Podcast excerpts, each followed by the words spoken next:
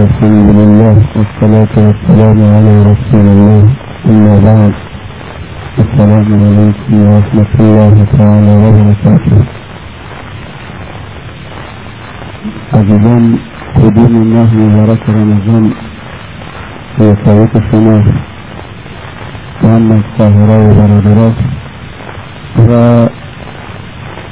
شیعه و سنی و هر مسلمانی که در هر کجای دنیا هست کدام این مبارک رمضان تبریک داد؟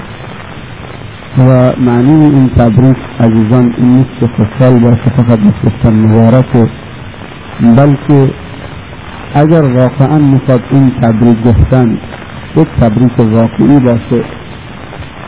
تبریک یعنی خیر و برکت در تو باد در زندگی بیاد اگر واقعا این دعا تو لایقش باشی که بگم مبارک باد پس تو باید درت خیر و برکت بیاد. تو باید درت خیر و برکت بیاد. در زندگی در شب و روزت در خواب و بیداری در نفس و برخواستت در طاعتت در لبخندت در راه رفتنت در خوردنت در همه چیزت. پس عزیزان من وقتی باید میگم تبریک بر تو باد کدوم ماه مبارک رمضان؟ اینو باید مد نظرت باشه که خودت می‌تونی سبب خیر و برکت در زندگی خودت باشی. اگر بخواهی خدا هم می‌خواه پس عزیزان من خواستن توانستن. خداوند عز وجل اول ماه مبارک رمضان متجلی میشه در مقابل بندگانش نگاه به دلهای بندگانش می‌کنه. آیا واقعا اینها در دلشون ماه مبارک رمضان رو دوست دارن آیا واقعا اینها در دلشون حب روزه گرفتن هست؟ آیا واقعا این بندگانش حب نماز خوندن درشون هست؟ آیا واقعا این بندگانش حب تلاوت قرآن در دلشون هست؟ آیا واقعا این زنهایی که بندگان خدا هستن همچنین حب این که تغییر لباس بدن و لباس اسلامی رو بپوشن و لباس ماه مبارک رمضان رو برای خودشون در زندگیشون انتخاب بکنن در این ماه مبارک رمضان در دلشون هست. حب این که به پدر و مادر احترام بگذارن هست. حب این که همدیگر رو حلال بکنن هست. حب زکات دادن هست. آخر ماه مبارک رمضان که جزئی از اموال عزیزشون جدا بکنن برای فقرا و مساکین بدن حب ایثار و همدردی و فداکاری و از جان گذشتگی در دل اینها هست. عزیزان من این ماه مبارک رمضان ماه این چیزهایی که من گفتم. ماه تلاوت قرآن ماه روزه ماه قیام اللیل ماه تراویح ماه گریه و زاری ماه تبدیل شدن و تحویل شدن ماه عوض شدن ماه خوب شدن ماه به شدن و بهتر و بهترین شدن ماه پیشرفت ماه جلو افتادن ماه قدم به جلو گذاشتن ماه دویدن به سوی بهشت ماه سبقت به حسنات نیکی ها و به رضای خداوند ماه مسابقه گذاشتن و ماه لبخند زدن در صورت همدیگه کمک به همدیگه کردن دلسوزی برای همدیگه کردن دل و پاک کردن از کینه و بغض و حسادت و دشمنی دل و پاک کردن از حب حرام. دل پاک کردن از گناه و معصیت و شهوت. ماه سیلی زدن به شیطان و ابلیس.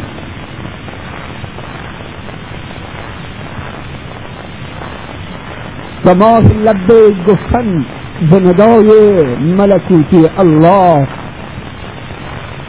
لبيك اللهم لبيك لبيك لا شريك لك لبيك إن الحمد والنعمة لك والملك لا شريك لك. و نهایتا ماه استغفار توبة گریه و جاری و دست بلند کردن به سوی این قهار و جبار. الله رب السماوات والارضین ماه دست نیاز بلند کردن ماه اظهار نیاز و عجز. ماه طلب بخشش ماه سبک کردن دوشمون از بار گناه. همه خوشحالن که به ماه مبارک رمضان رسیدن. همه خوشحالن که ماه مبارک رمضان آمد زنده هستند این خوشحالی تنها به درد نمی‌خوره. ما خوشحالی ما آخر ماه مبارک رمضانه. جوجه ها رو آخر پاییز می شمارند نگاه بکنم چند تا جوجه ساز کرده منده نمرده. اگر یک رکت نماز تراوی اگر خود بشه تو مردی. اگر یک روزه خود بشی تو جوجیه نم بسمنی جوجی که؟ دیگه نمیتونه جمع بگیره رو پاس نمیتونه بیسته و نمیتونه قدرتش دوباره بر بگردانه هر چیز بخوره. هر میتونه که بخوره. عزیزان من الان اول ماه. خداوند عزوجل امشب در مقابل چهار در مقابل یک میلیارد و سیصد میلیون مسلمان متجلی شده. امشب در آسمان ها و در زمین غوغایی به پا شده. حتی کفار چشمشون بازه. امشب چه خبره امشب چرا مسلمان ها همه در مساجد جمع شدن؟ در کاف تا کاف دنیا؟ در قلب آمریکا در قلب بریتانیا در قلب فرانسه. تا چه برسه به مسجد الحرام و مسجد الاقصا و مسجد النبی صلی الله علیه و سلم. اینها از قرآن ما میترسند. از کعبه ما میترسند. از رمضان ما میترسند. از روزه گرفتن ما میترسند. از زکات دادن ما میترسند که فقر بلند بکنیم و کل مسلمان غنی بکنیم. از حج رفتن ما میترسند. از حج ما میترسند. زمانی که روزه ما روزه باشه زکات ما زکات باشه نه برای سخت فروشی باشه که فلانی زکات داد. حج ما حج باشه اون حجی که مورد رضای الله نه اینکه بگن فلانی رفت حاجی شد برگشت حاج آقا سلام. زمانی که عشق ما و جدی ما صرفا به خاطر خدا باشه ترس از خدا باشه چیز ایمان باشه که ما به دوست بیاره دل ما رو همچین بسوزانه و نهایتا از چشمه های ما از کل سوراخ بدن ما اصل بباره. نماز ما نماز باشه تلاوت ما تلاوت باشه ایمان ما ایمان باشه این موقع دشمن از ما میترسه.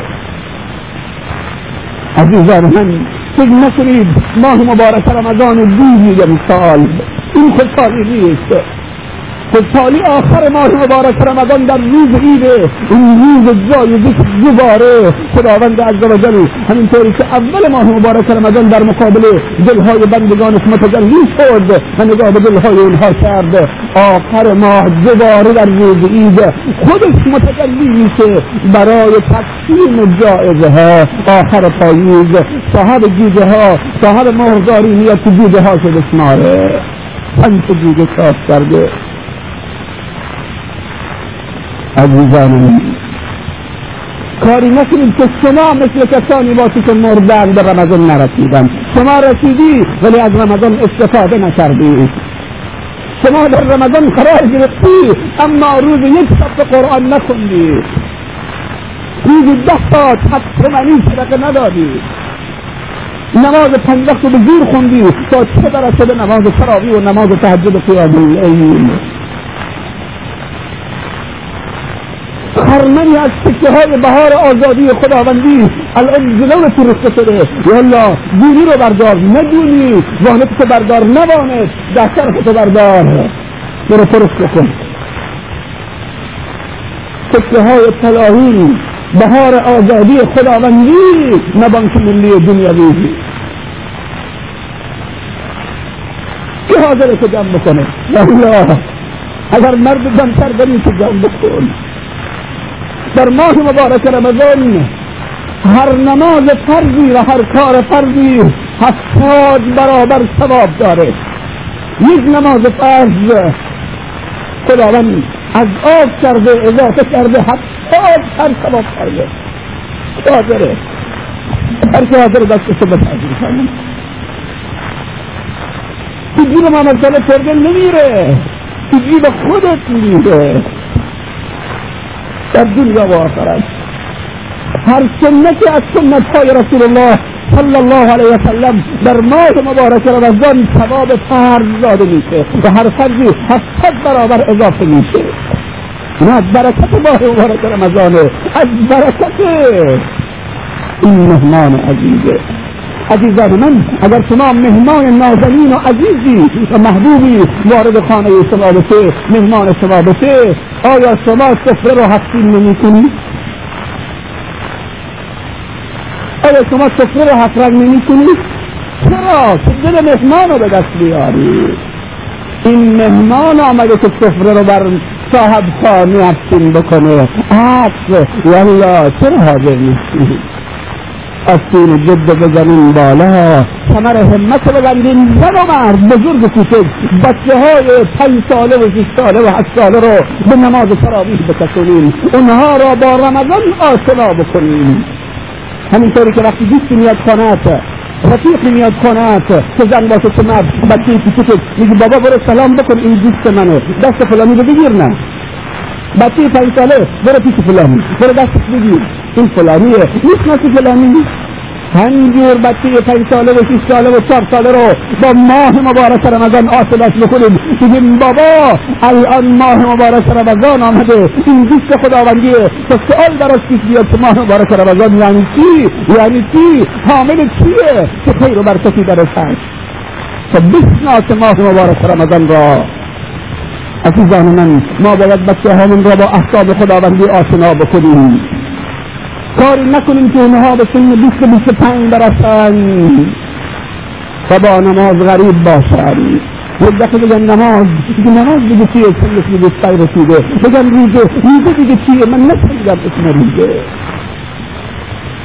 جوانی از جوانهای عزیزمون از جور چشمانمون به مادرم گفتم مادر تو می‌دونی که اسم اعظم خداوند یعنی چی؟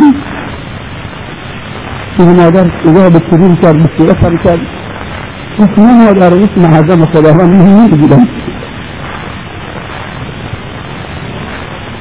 أنا أسمع هذا خداوند من جدا تأثير محال من جدا أما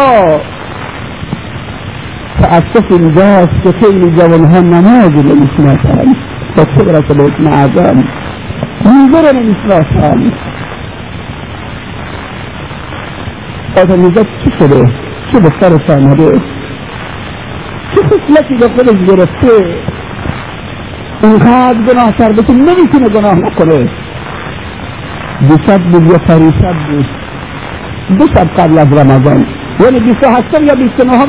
شعبان معظم و محترم. دو شب مونده به رمضان. آمدم خود از دوستان گفت صدای جاز میاد صدای جاز آخر ماه شعبان قبل از رمضان. گفت بله داره میاد افکنونه گفتم سبحان الله خدایا سنگت نبارون. در سوری تو أمر به معروف و نهی از منکر میشه. خدایا به گناه دیگران ما را نسوزن. عزیزان من متوجه قضیه باشید.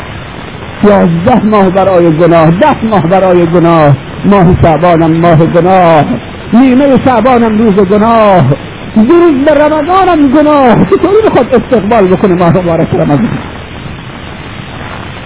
خیلی سخته نهایتا تو رمضانم خلاف می‌کنه که این افرادی که رمضان را با گناه استقبال می‌کنند و با کسالت تنبلی و سستی دیگه رمضان آمد. نهایتا شبهای رمضانشان بازی فاسی و ورقه جلسه غیبت و مسخره و جسه بله عزیزان زیاد داریم. آدم های پرمدعا آدم های لیسانسه و باسواد.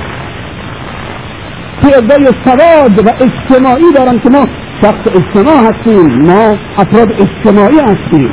خواهیمونه اینها در رمضان کنار سفره ابلیس می نشینند اونها کتاب ابلیس رو می‌خونند و رقا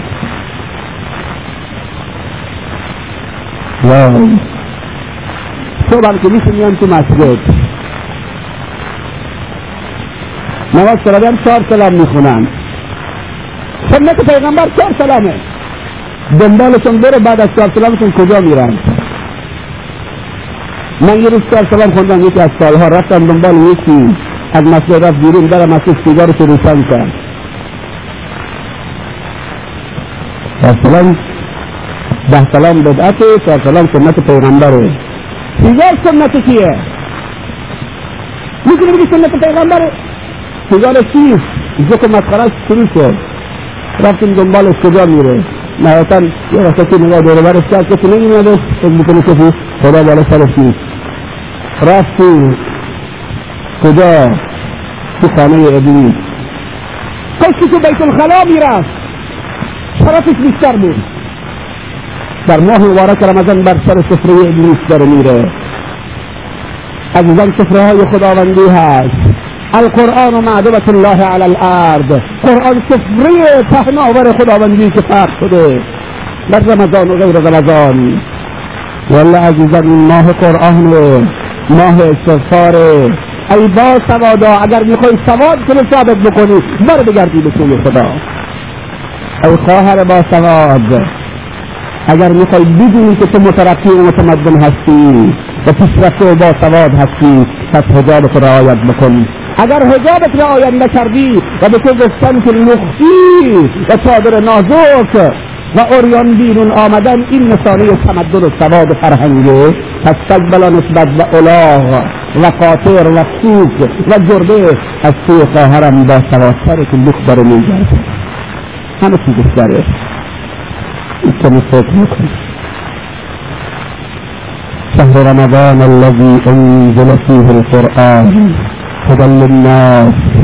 شهر رمضان المبارك هدى للناس وبينات من الهدى والفرقان.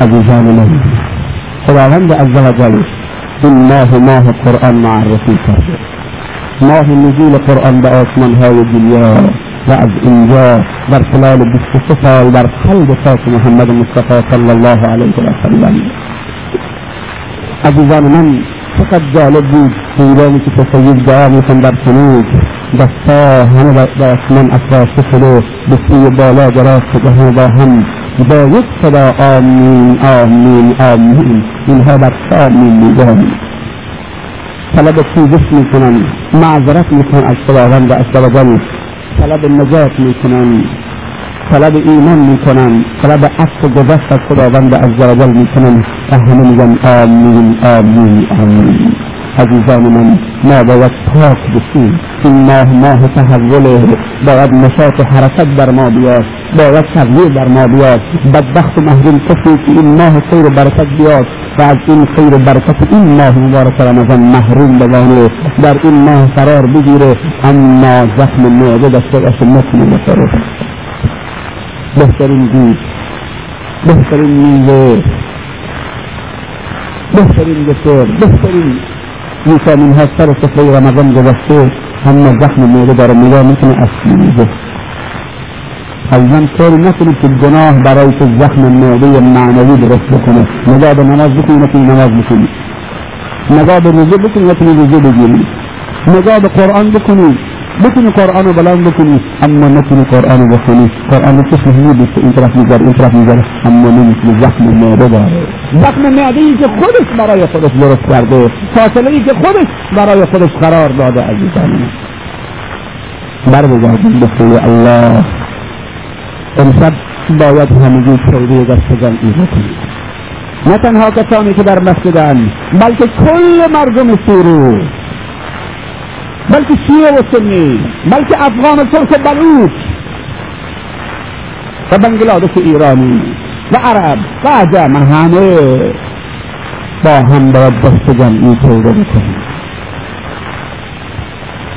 و بیعت بکنن و تعهد بدن و قول بدن الله بالا سرشونه قول سرف مردانگی که انسان خوبی باشن بندی مطیعی باشن بندی خوبی باشن. این یک ماه مبارک ارجی تربوی ایمانی برای اینها باشه که انشاء الله تعالی بتونن بعد از ماه مبارک رمضان زندگیشون رو بر این اساس و این سالگی که این ماه گذاشتن ادامه بدن و ساختمان با داشتن زیربنای خیلی محکم و عظیم در آینده انشاءالله داشته باشن و جمعشون در بهشت خداوندی در حالی که رحمت خداوند بر اینها میباره در دست منصر زیر سایه عرش خداوندی قرار می‌گیرن و نهایتا دار السلام جای اینها باشه مستقر اینها باشه و السلام بر اینها سلام بکنه عزیزان من در ماه مبارک رمضان درهای بهشت باز میشه. به خاطر که در ماه مبارک رمضان جناه سر میشه. و حتی خلاصکار و گناهکارم سر می‌کنه. این همه روزه هستن. یک حالتی به خودش گرفته. امروز روز اول عزیزان. اما دو روز که گذشت دیگه که یک حالت عجیبی به شما دست میده. امروز هنوز باقی مانده ماه شعبان در وجود شما هست. هنوز نیستی که باورتون نمیشه ماه مبارک رمضان آمده. اما تقریبا سه چهار شب که گذشت دیگه قبولتون میشه که در ماه مبارک رمضان قرار گرفتی. یک حالت روحانی این شهر آباد میشه. اصلا خواهرها ساعت دوازده شبم که کوچه میرن برای نماز از, از خانه میرن به مسجد از مسجد میرن به خانه. یک حالت اطمینان و آرامش بچه کوچک میره. شهر آباد میشه. یک امنیتی برقرار میشه. چون که فرستگان خداوندی وارد زمین میشن آسمان ها را میشکافن و وارد زمین میشن. و اینجا امن و امنیت و آرامش و استقرار برای بندگانی میشه خداوند که برقرار می‌کنن. و اینها را که بشارت میدن و اونها رو تبریک میگن که ها ما با شما هستیم. در صورتی که شما با خدا باشید و همیشه یاور و ناصر و مددکار شما خواهیم شد. پس عزیزان من ما می‌تونیم ما به خاص خودمون و توفیق خداوند عز وجل می‌تونیم دوستان خوبی رو برای خودمون که جلب بکنیم و دوستان خوبی رو برای خودمون پیدا بکنیم و اگر خدای نکرده نظر خدا از ما بر بگرده و ما دنبال دوست خوب نباشیم نهایتا دوست بد نصیب ما میشه. عزیزان من دوست خوب اگر انسان هم گیرت نواد دوست از نوع خودت هم گیرت نواد اما خوب باشی خداوند عز وجل فرستگانی را برای دوستی تو میفرسته. در بعضی روایات وارد شده که در ماه مبارک رمضان هر کسی موفق بشه جبرائیل امین مصافحه بکنه دیگه که پروندهش با حسن ختم انشاءالله که جمع آوری میشه. کی می‌تونه با جبرائیل امین مصافحه بکنه؟ شما همه چیز می‌تونید خواهرها هم می‌تونن فرق این خواهرها با ام المؤمنین عایشه با ام المؤمنین خدیجه چیه؟ جبرائیل امین میآمد به رسول الله صلی الله علیه وسلم میفرمودن که برو به عایشه یا خدیجه بگو که السلام یقرئک السلام. السلام چیه وقتی می آمد حضور رسول الله صلی الله علیه و سلم به رسول الله صلی الله علیه و سلم می گفتن که تو برو به عایشه یا خدیجه بگو که السلام الله. یقرئک السلام بر تو ای خدیجه و ای عایشه سلام میفرسته. عایشه که به یک زنی خدیجه که به یک زنی اما در راه الله به کمال رسیدن با ایمانشون و اخلاصشون و پاک دامنیشون و عفتشون و حجابشون. و محبت الله و رسول الله و نماز روزه و زکات حجشون. به درجه رسیدن که خداوند عز وجل سلام میفرسته. وقتی دوستی میاد پیش من میگم سلام فلان دوست بده اگه دوست سلامش بده. وقتی سلامش رسن بهش گفت خوشحال میشه شما یه لحظه حالت ام المؤمنین عایشه رو که تو نظرتون تصور می‌کنید خداوند برای سلام رسونده توسط جبرئیل ها؟ این خواهرای ما یه لحظه تصور بکنن خودشون چطور اون رسید به این درجه. یه لحظه فکر کنه من بگو من هم می‌تونم اینطور باشم. یالا هر چی که دلت از این کسافت اینو به دشمنی تاریکی شرک همه بریز بیرون روزه اصلا صابونه روزه سیره است. ماه مبارک رمضان گناه زر می‌کنه. نه آهن گناه زر می‌کنه. به شرطی که تو خواهان روزه باشی خواهان این ماه باشی. نگی دیگه زود آمد ماه مبارک رمضان نه خیلی گیر کرده. خیلی گیر کرده. عزیزان من ما باورمون نمیشه که الان که رمضان میشه. حقیقتا باورمون نمیشه. من هنا الطفال يجلدكم الطفال بطني بل كده كان إنسان متواجد في الاثبات ده بس نخرج تستمن جزنا كان الحمد در ماه مبارک رمضان در های بهشت باز میشه. خداوند عز وجل به بهشتت میگه ای بهشت من خودت مزین بکن. هر چیز زیبایی رو داری هر چیز زیورالات داری هر چیز چیزهایی که مسائل تزیینیه همطور که فضلی برای عروس خانم ها مزین می‌کنن. میگه به بهشتش میگه ای بهشت من خودت رنگین بکن. هر چی وسائل تجملات زیبایی و نقش نگار داری و هر چی ثمن سبزی و گل و گلشن داری همه در بده. همه معطر بکن که تو نزدیک بندگان روزگار من وارد تو بشن نزدیک که مهمان تو بشن و از اونها پذیرایی بکنی. مبادا با حالتی پذیرایی بکنی که تو در شان روزگار نباشی. میگه هر عمل بنی آدم برای خودشه. خداوند عزوجل میگه هر عمل بنی آدم برای خودشه مگر روزه روزش به خاطر منه. تنها عبادتی که ریا درش نمیاد روزه گرفتن در ماه مبارک رمضان. اصلا ریاکاری کش نمیاد این حال که ریا کش همه از دم روزن بس کن مگر روزه و جزای روزه خودم میدم؟ و جزای روزه چیزی نیست جز بهشت من. الله اکبر. اگر تو به بهشت خدا رسیدی به دیدار خدا هم می‌رسی بهشت فراموش می‌کنی الله می‌بینی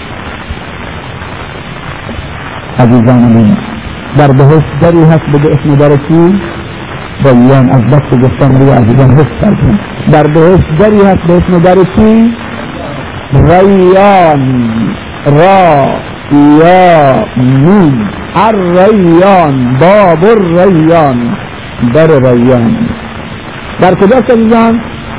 در بهشت کلید این در چیه؟ روزه ان للجنة بابا حدیثه ان للجنة بابا. يقال له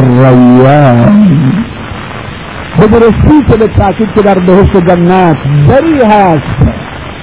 به اسم در الریان یقال یوم القیامه. روز قیامت. وقتی بندگان و خلایق همه در دست محشر حضور پیدا می کنند و پیر و جوان بزرگ و کوچک. فقیر و تاجر زشت و زیبا. خلافکار و گناهکار و طاعتکار. کافر و مسلمان. همه از قبرشون بلند میشن مثل مادر زاد اروان منادی صدا می‌زنه. این الصائمون وقتی از طرف خداوند عز و جل صدا می‌زنه ملائکی میگه روزگاران امت محمد صلی الله علیه وسلم کجا هستن دستشون رو بلند بکنن؟ اونایی که روزه نگرفتن می‌تونن دستشون بلند بکنن. باید یه واسطه هم دستشون بلند بکنن. مگر خدا گول می‌خوره؟ مگر خدا اونها رو نمی‌شناسه؟ شمشیر خداوندی ملائکه میگن دستشون این دازه پایین تو دستت بکش به این که روزه نگرفتی جلوی همینجا هم درو به زور می‌خواد بری بهش. اگه صف قند شکر که پارتی بازی بکنن. اونو هول میده اونو هول میده که خودش بره جلو یا در نانواییه. نه زن من بهشت خداوندیه. لمن الملك اليوم لله الواحد القهار. لا تسمع لهم همسا. اینجا مملکت به کیف تو نیست. اینجا پارتی بازی نیست. اگر حسناتش داری. اگر کلید در ریان داری کلید در ریان چیه؟ این الصائمون کجاست روزه داران یالا فإذا أدخل آخرهم أغلق ذلك الباب. تا زمانی که آخرین نفر از روزگاران امت محمد صلی الله علیه وسلم وارد این در نشدند. این در بازه هنگامی که آخرین نفر از امت محمد که روزه گرفتن در دنیا در زمین در این چند سواهی که زنده قومی که آخرین نفر از امت محمد که روزه گرفتن در دنیا در زمین در این چند سواهی که زنده بودن آخرین نفر روزدار از اون در وارد شد اون در رو دیگه میبندن. قفلش می‌کنن. در ماه مبارک رمضان درهای بهشت باز میشه بهشت میرقصه برای استقبال. بهشت به طرب میاد برای استقبال بندگان نیک خداوند عز در ماه مبارک رمضان تغلق ابواب الجحیم. رحمت خداوند عز وجل درهای جهنم شو میبنده چرا به زور می‌خوای در جهنم رو باز بکنی؟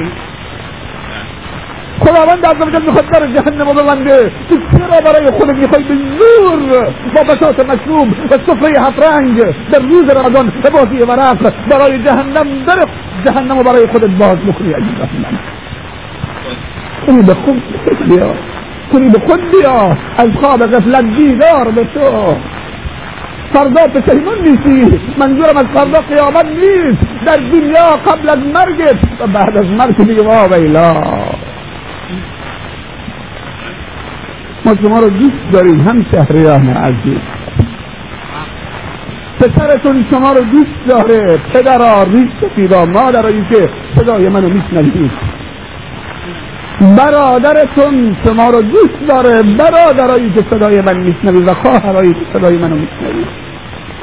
بچه های عزیز کچلوهای عزیز امید آینده ما. اینی که صحبت می‌کنه شما رو دوست داره.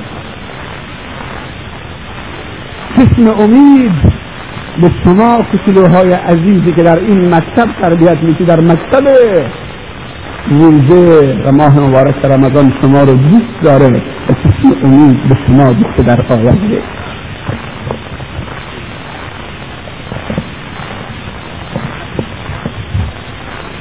خداوند عزوجل در حدیث فرمودند بر زبان رسول الله صلی الله علیه و سلم. میگه هر گناهکاری احتمال داره که خداوند مورد عفو و بخشش قرار بده. مگر گناهکاری که علنا و جهرا گناه می‌کنه. وای. پیغمبر صلی الله علیه وسلم فرمودند امید هست که هر گناهکاری از امت من بخشیده بشه در روز قیامت. اگر توبه هم نکرده باشه امید هست که خداوند اونو ببخشه. مگر یک نفر گناهکار از امت من؟ گفتم اون کسی یا رسول الله. گفت المجاهرون بالمعصیه. کما قال صلی الله علیه وسلم گفت اونهایی که اعلام می‌کنن گناه و تکبر میورزن و فخر میفروشن. گفتن اونها چه کسانی هستن یا رسول الله. به ما وصفشون بگو. گفت شب در خلوت گناه می‌کنن خداوند پرده خودشو بر اونها کشیده که کسی اونها رو نبینه آبروشون نبرده. صبح که میشه اگر زنا کرده اگر مشروب خورده اگر دزدی کرده صبح که میشه میاد جلو جمع جلو دوستانش جلو رفقاش جلو مردم میگه من دیشب کیف کردم. ما دیشب زنای دست جمعی کردیم مشروب خوردیم تا دم خداوند پرده رو روش انداخته این میاد پرده خداوندی رو پاره می‌کنه. خداوند در اون حالت نگرفته که زمین رو زیر شکمش در حالی که میغلطید و زنا می‌کرد و مشروب می‌خورد و عربده می‌کشید زمین رو دنش بکنه باز بکنه اونو بمکه اونو ببلعه بعد به هم بیاره. ستار چتر تو پوشش تو چادر تو کشید. صبح آمد گفت من فلان کار کردم دیشب فلان برنامه داشتیم کیف کردیم صدام صبح. اینها مورد بخشش قرار نمی‌گیرند. مثل کسانی هم که می‌خوان در ماه مبارک رمضان در جهنم به زور باز بکنن. خدا به ما رحم بکنه و تمامی مسلمان رحم بکنه که از این افراد نباشیم که خداوند قلب اونها را مهر کرده عزیزان من به هیچ موعظی در قلب اونها تأثیر نمی‌کنه دیگه در ماه مبارک رمضان چی میشه؟ در ماه مبارک رمضان ورود هر روزی امروز مغرب. به هر نفر ملائکی گماشته شده. غروب که میشه آفتاب که طلوع می‌کنه آفتاب که غروب می‌کنه میاد تو گوشش میگه هر نفر یک ملائکه. میگه یا باقی الخیر ابشر و یا باقی الشر اکثر. رحمت خداوند تخل بیاره میگه ای کسی که دنبال خیرت بسارت به تو این ماه خیر آمد. یلا آسین بزن بالا گوشش میگه حالا اگر می‌بینه که دنبال سر هنوز سر که گناه نکرده همین روز به روز بهش میگه تا آخرین روز ماه مبارک رمضان از این طرف میگه ای کسی که دنبال شری دنبال گناه می‌خوای بری کوتاه بیا بس بکن توبه بکن. به زور میگیردش ازش خواهش می‌کنه بس بکن. دنبال شر دیگه نرو کوتاه بیا کم بکن. اکثر کوتاهش بکن بس دیگه هر گناه کرد. اینم رحمت خداوند دیگه که میگه. در این ماه خیر و برکت تفسد الشیاطین او تغل الشیاطین به سلاسل شیاطین به زنجیر کشیده میشن. این ماه خیر و برکته وقتی نور آمد تاریکی میره عزیزان من. پس وقتی شیطان ضعیف میشه شکم گرفتی میشه. شکم تمامی دردها و معصیتها و گناهها همراهه اگر پر بشه. وقتی شکم خالی بشه خون ضعیف میشه. وقتی حرکت خون ضعیف باشه نهایتا شهوت کم میشه.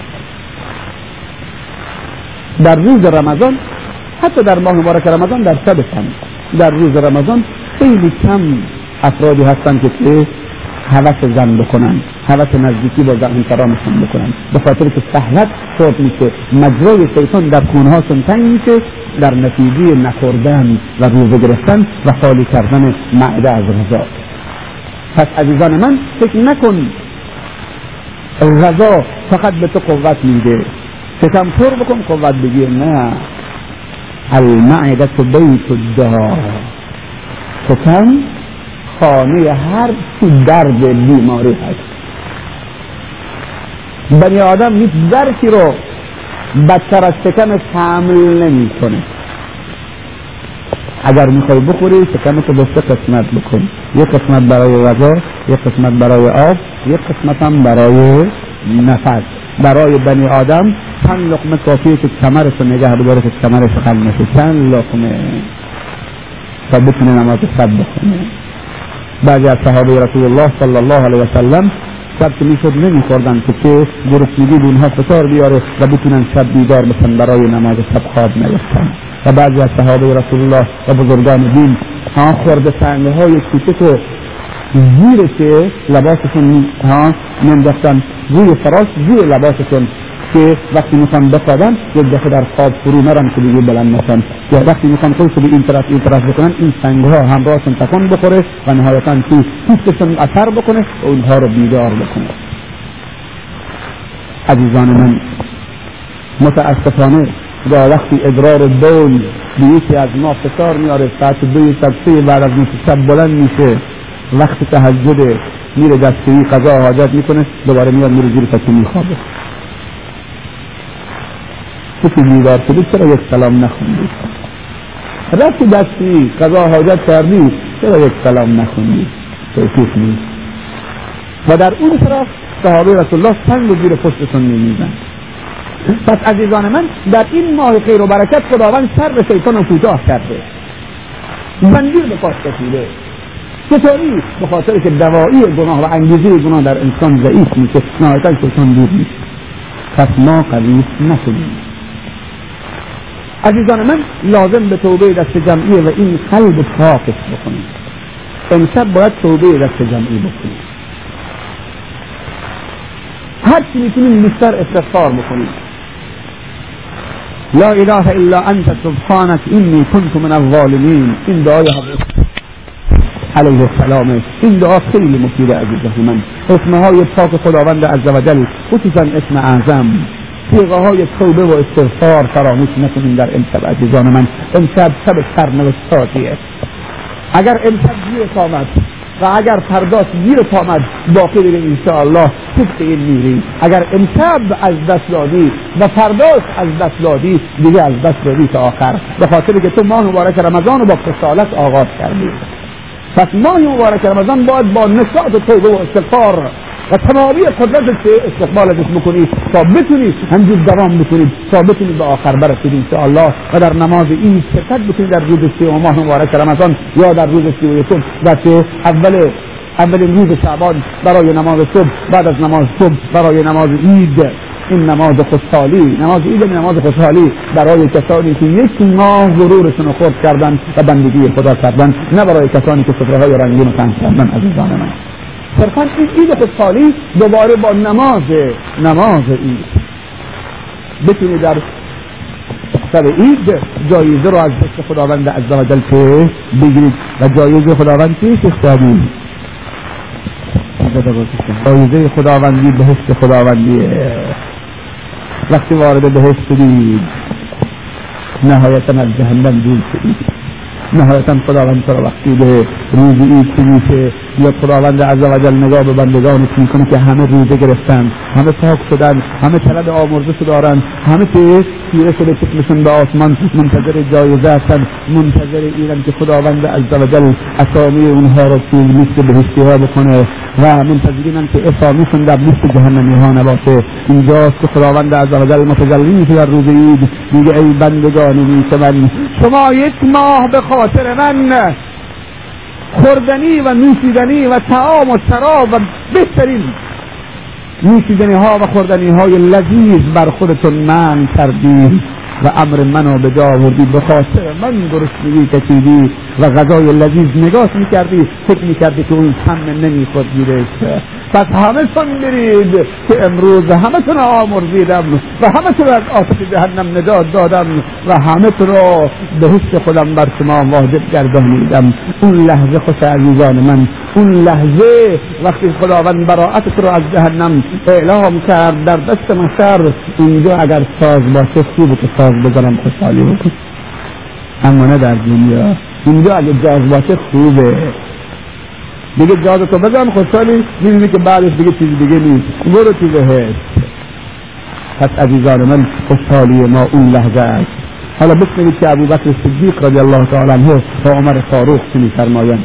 توجه ابو بکر صدیق با اون همه عبادتش دیگه روز قیامت در دست محشر اگر یک پای من در بهشت باشه و یک پای من خارج از بهشت بازم میترسن که خداوند منو بر میگه ابو بکر صدیق صاحب رسول الله و رسول رفیق رسول الله. در غار کسی که اسم کسی که صفتش به صاحب. اذ یقول لصاحبه. یا رفیق غارش در قرآن آمده عزیزان من و خداوند عزوجل اونو انتخاب کرده برای صدیقیت و برای صحبت رسولش و فرستادی بر حق در حجرت. و اولین خلیفه مسلمان با اون همه تقوی و عبادتش میگه از روز قیامت یک پای من در بهشت باشه پای چپم بیرون از بهشت. بازم میترسم که هر دو تا داخل نرفته میترسم که اون پای راست منم بیرون بیارم. عمر فاروق چی میگه که از گریه که غش می‌کرد از خواست خداوند عزوجل کیسه آردی و آجوکه روی کول خودش و قصف خودش میگذاشت در خانه ایتام یتیما بیوزنها فقرا مساکین ساعت دوی تبیرت تفقد می‌کرد. اونجا تعویل می‌داد میگذاشت و برمیگشت. از کسی کار نمی‌کشید وقتی حس می‌کرد که می‌خواد مغرور بشه کار جلو می‌کرد جلو بر دوستش هم می‌کرد که غرورش خورد بکنه. پس عزیزان من اون چی میگه؟ اون میگه از روز قیامت صدا بزنن که ای خلایق همه برید بهش همه بهشتی مگر یک نفر؟ من فکر می‌کنم که همون یک نفر عمر ابن الخطابه ما چه فکر می‌کنیم؟ ما بهشتیم خدا غفور و رحیمه. چقدر مغرور شدیم؟ ما همه بهشتیم خدا میبخشه.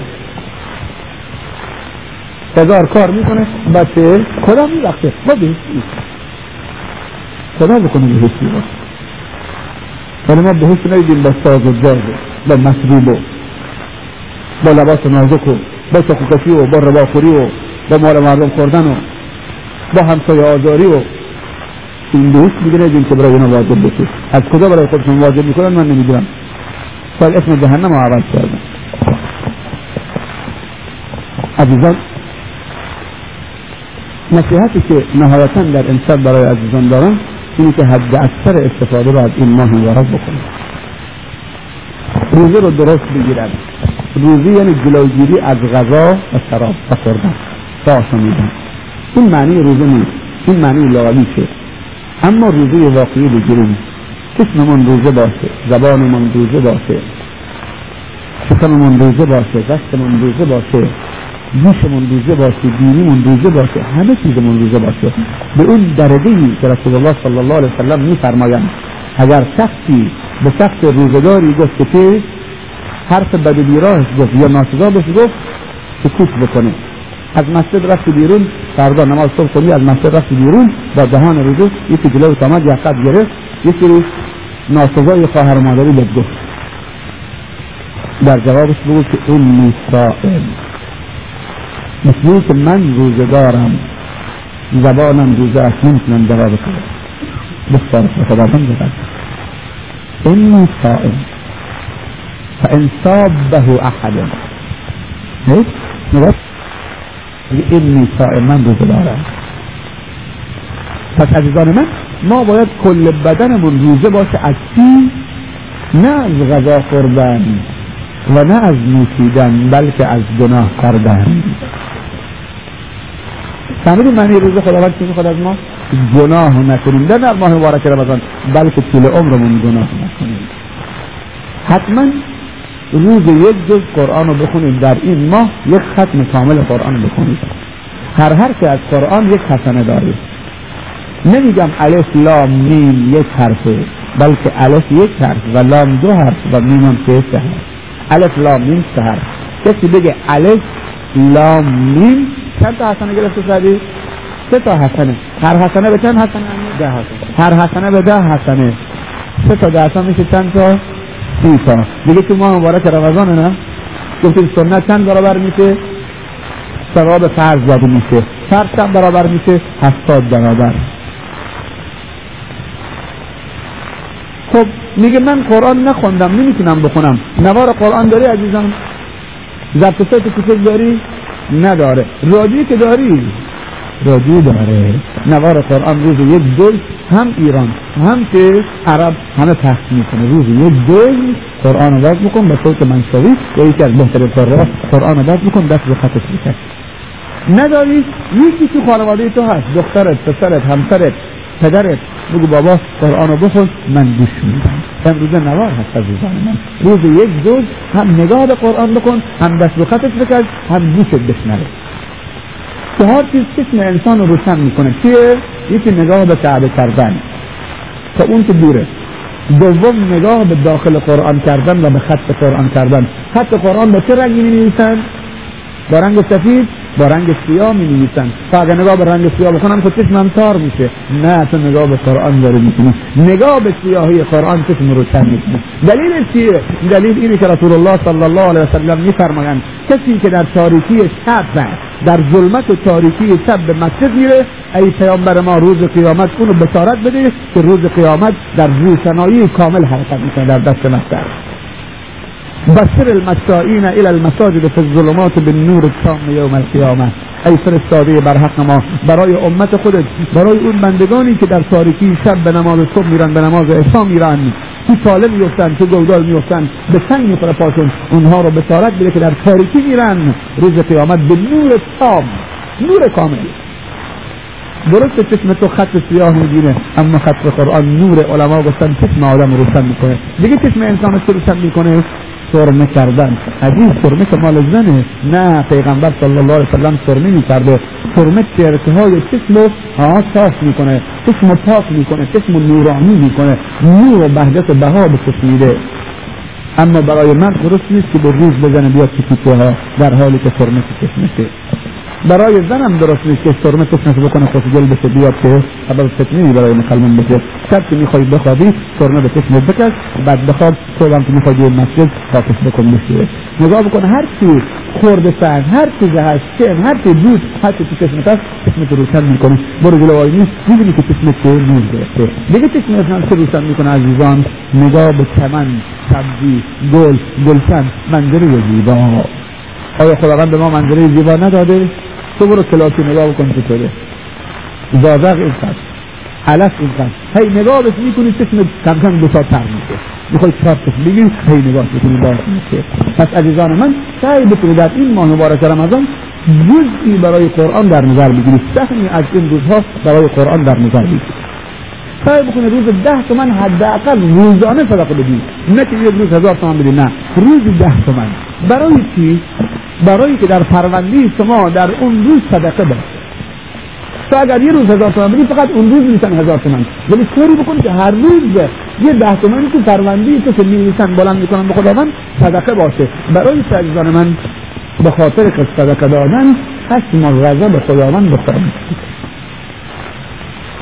روز چند بار خداوند خشمش به دوست میاری عزیزان ده تومن صدقه نمیگم ده تومن یه نصف خورما اتقوا النار ولو بشق تمره آتش خشم و غضب خداوند خاموش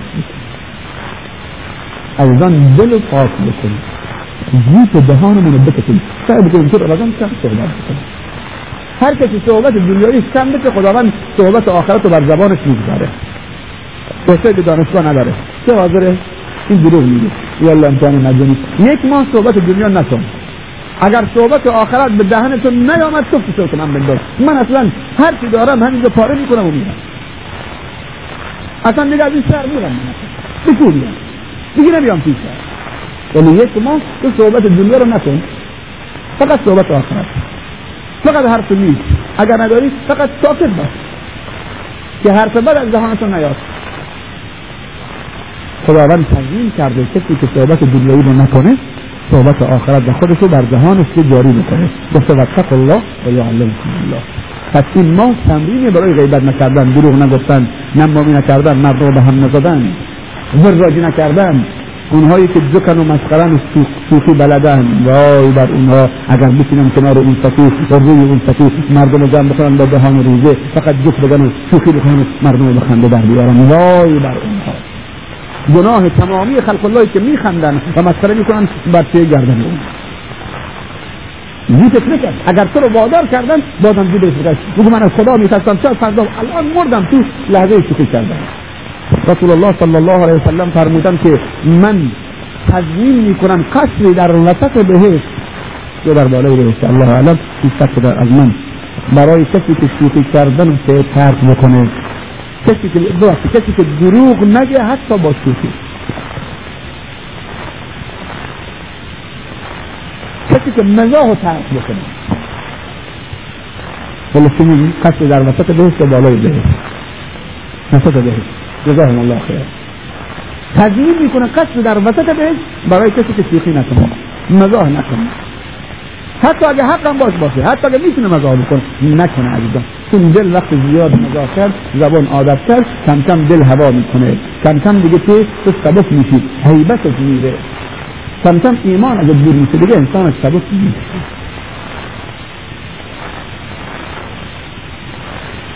سعی بکنیم در ماه مبارک رمضان نماز پنج وقتمون رو با جماعت بخونیم پس اول تلاوت قرآن دوم صدقه سوم زبان جیت کشیدن چرا گفتم زبان که زبان خیلی خطرناکه یه عده از امت محمد صلی الله علیه وسلم که روز قیامت اونها رو با زبان می‌کشن به طرف جهنم. این دروغ میگه.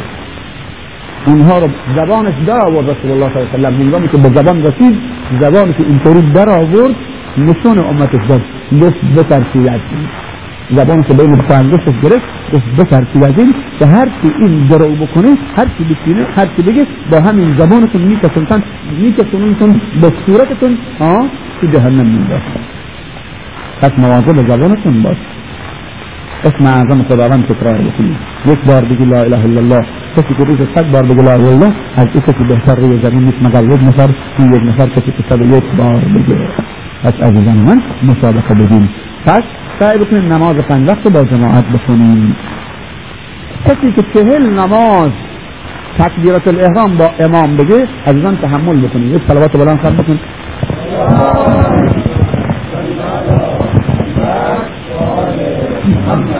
کسی که چهل نماز فرض با جماعت با امام تکبیرت الاحرام بگه الله اکبر که امام گفت پشت سرش واسطاده باشه بگه الله اکبر چهل نماز دیدن یعنی هشت روز. هشت پنجتا چهل تا چهل نماز با امام تکبیر بگه تکبیرت الاحرام دو تا پاکی و دو تا نجات و دو تا براعت برای اون نوشته میشه.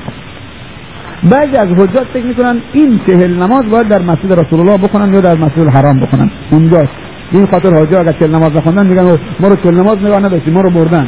اون خواستیم چهل نمازمون کامل بکنیم نه. این برای هر مسجدیه حتی مسجد محله. دو تا براعت برای اون نوشته میشه. چیه؟ یکی براعت از منافقی یعنی اگر کسی چهل نماز پشتر هم با امام تکبیر بگه دیگه اون از قید منافقی یا از ها دفتر منافقان در میاد. دیگه اونو نمی‌گذارن اسمش منافق. از لیست منافقین در آمده. چهل نماز ولی آه. فکر نکنه آسانه من چهل نماز راحت می‌تونم. تکبیر با امام باید بگی چهل نماز های چند روز میشه؟ اصلا بعضی از بزرگان دین میگن که چهل سال تکبیرت الاحرامش با امام فوت نشده.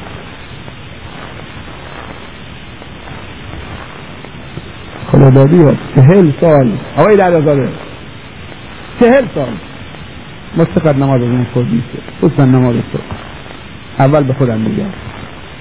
به کسی چه نرم چهل سال تکبیرت الاحرام اصلا خود نشده. امام گفته الله اکبر و گفته الله اکبر. چند تا براعت براش نوشته میشه؟ دو تا. کل براعت براش نوشته میشه.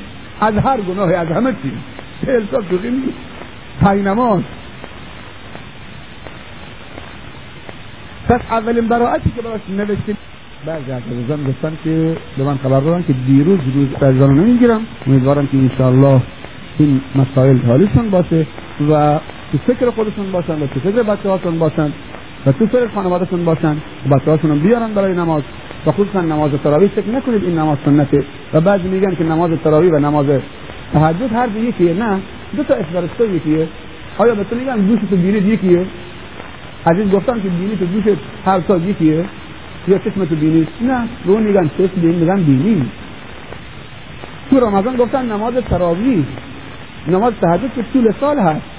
تمامی شبها هست. تمامی ماها هست. اما نماز تراویح سال یک ماه. اونم بعد از نماز عشا قبل از اینکه بخوابی نماز تهجد که بعد از خوابه. من تعجبم چطور اینها خوابن.